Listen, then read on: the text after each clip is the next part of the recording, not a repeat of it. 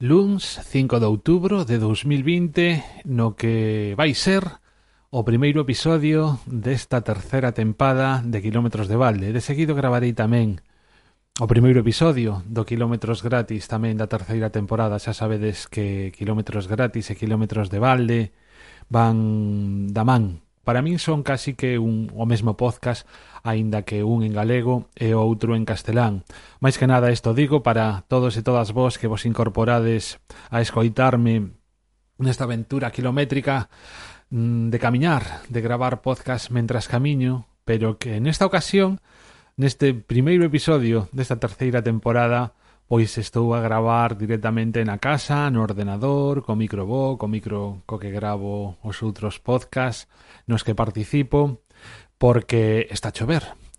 Agora mesmo, por exemplo, se miro pola fiestra non, non, non está a caer auga, pero sí que non me quero arriscar a cando saia, no momento no que vaya a sair, a levar o micro por aquelo de que non se me molle. Normalmente teño decidido que cando non podo gravar polas rúas non gravo, non hai episodio esa semana, eh, pero entre que esta era a data prevista para voltar e que, sinceramente, un de vos, Raguenó, pediumo onte, díxome que, vot, que votaba en falta o quilómetros de balde, e aparte díxemo en galego. Así que non podía faltar. Este lunes a cita e aquí estou. Aparte estou para contarvos unha cousa que me pasou durante o pasado mes de setembro.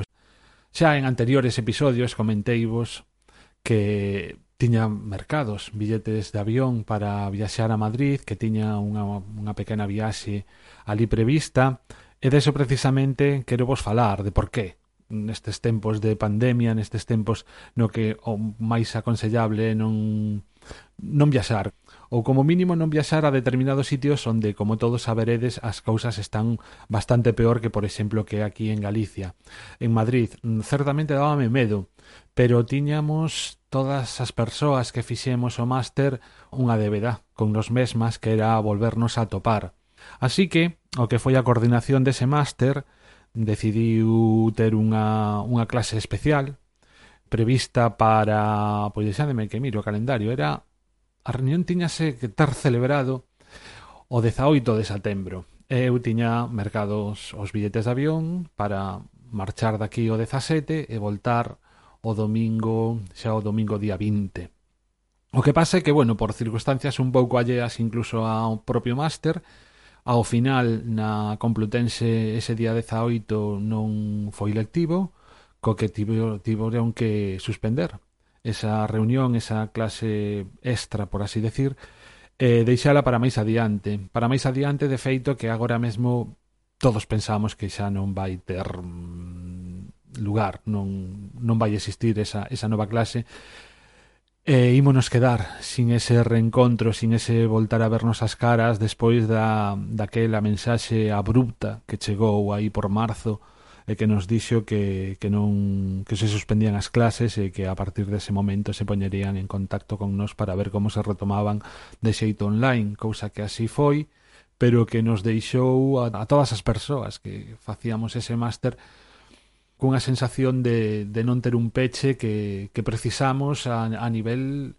sentimental casi, non? De, de voltarnos a ver, de mirarnos aos ollos, eh, darlle un peche, darlle un, un punto final a esta aventura que nos uniu e que certamente pois conseguimos un grupo de persoas unido que aínda hoxe pois, seguimos en contacto por internet, estamos en contacto de forma digital.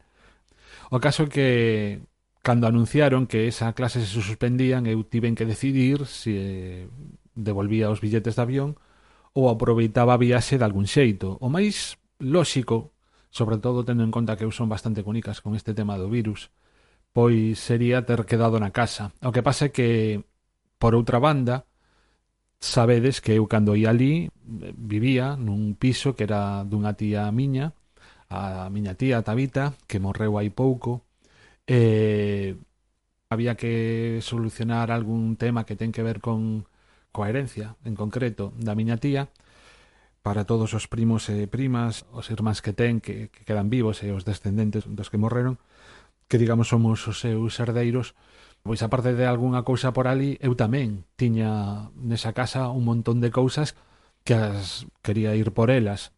E aparte tamén de todo eso, o mesmo que necesitaba un peche para o que foi o máster, tamén necesitaba un peche a ese piso porque probablemente xa nunca máis volte a pasar unha noite ningún día. Ali Así que, por un lado, recoller as cousas e, por outro lado, darme tamén esa, esa última visita, esa como despedida do sitio. Quixen facela, eh, dos medos que tiña a hora de viaxar e de moverme por ali contarei volos no kilómetros gratis a continuación a experiencia de viaxar en avión en tempos de pandemia pero aquí neste kilómetros de balde a experiencia en sí do que foi chegar ali reencontrarme con ese piso, de recoller todo. Eh, cheguei ali sin problema. Recordo que deixara dúas mazás. Estaban absolutamente podres. Cando cheguei ao piso, o olor era, pois eso, apodrido por culpa desas mazás que levaban ali dende marzo. Limpiei o piso máis ou menos, tampouco en profundidade, sabes, eso sí que é certo, porque tampouco é que fose estar moito tempo eh, abrín as fiestras para que aí se idease, eh, deixei todo, marchei a un supermercado, fixen unha compra para os días que iba a estar ali, para non ter que voltar ao supermercado, e non fixen nada máis, máis que estar no piso, porque o que non quería era andar por aí de, de visitas a lugares e tal. O único que tamén, eso sí, pois camiñar, camiñar pola avenida da Florida, polo paseo da Florida, que é onde está o piso, eh, reatoparme con sitios eh, habituais dos daquela que percorría durante esa asistencia ao máster.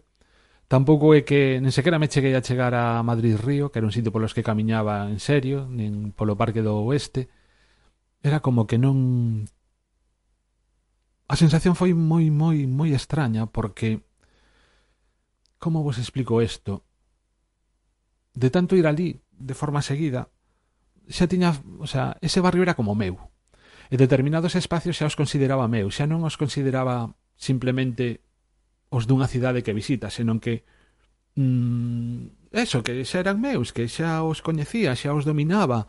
Chegou un momento en que xa me sabía de memoria cales eran as paradas do metro que nos percorridos habituais, bueno, non do metro, porque do metro pouco collín, senón máis ben cercanías, non? Xa me sabía, por exemplo, todas as paradas así de seguido dende o aeroporto ata casa e de casa ao aeroporto e descubrín que non, que tiña que andar outra vez mirando os percorridos eh, no móvil, no mapa que tiña.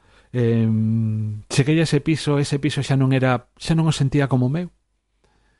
O super, o propio paseo xa non eran meus, xa voltaban a ser unha cidade allea a que camiñas pois porque estás por ali, pero esa sensación de pertenza se a perdera e foi estranísimo, estranísimo porque colleume de súpeto, non non esperaba eso, era ao revés, eu a, quería ir ali para despedirme, para decir mm, chao, eh, foi moi bo esta experiencia, pasei no moi ben, grazas por todo o que me destes. Eh, e non, foi foi estrano, non? Entre eso e estar totalmente pechado no piso, recollendo, mirando as cousas da miña tía por se houvese algunha non sei, mm, algunha documentación ou cartas ou algún material sensible que que considerábamos que non debería que debería quedar na intimidade da miña tía para destruílo e, e realmente non tampouco atopei absolutamente nada. De feito era un piso que ela iba pasaba varios meses ao ano ali, todos os anos, incluso o ano pasado. Antes de cumprir os, os 100 anos estivo, moi pouquiño antes de cumprir os 100 anos estivo por ali, ela soa, pasando casi un mes. Pero, na, todo o que había ali era como moito roupa, pero non había nada íntimo. Non había fotografías, recordos, ese tipo de cousas, pois non, non atopei absolutamente nada. De feito, unha, unha das cousas que quería coller era, era levarme algún recordo. Tanto un recordo da miña tía como un recordo do propio piso, da algún obxeto que me recordase o meu paso por ali. E costoume moitísimo atopar tanto unha cousa como a outra. Ao final, para a miña tía, trouxenme dali uns cantos dedales. Nen sequera son uns trebellos antigos que teñan moitos anos, non, non, eran son moi sinxelos, moi industriais moi foi o único así que atopei que me recordase a miña tía porque a miña tía cosía moi ben, arreglaba moita roupa, non é que se adicase profesionalmente a, a elo, pero ah, sí que incluso confeccionaba vestidos para si sí mesma, para a miña nai, e penso que seguro que tamén algunha vez ten cosido algo para min. Algo así pequeniño, esos dedales, son catro, tres ou catro. E xa os teño nunha estantería que teño no salón, que penso que algunha vez tamén os teño falado desa estantería. Se non, se non vos teño falado desa estantería, algún día debe, debería gravar algo sobre ela. Eso como recorda da miña tía, e como recordo do que foi a estancia, ao final trouxen un vaso, un vaso así máis ben grande que utilizaba eu case sempre para beber, sobre todo para beber refresco, porque refresco sempre tiña ali eu Unha das cousas que bebo é moito refresco de cola, en concreto Pepsi Cola, non Coca-Cola.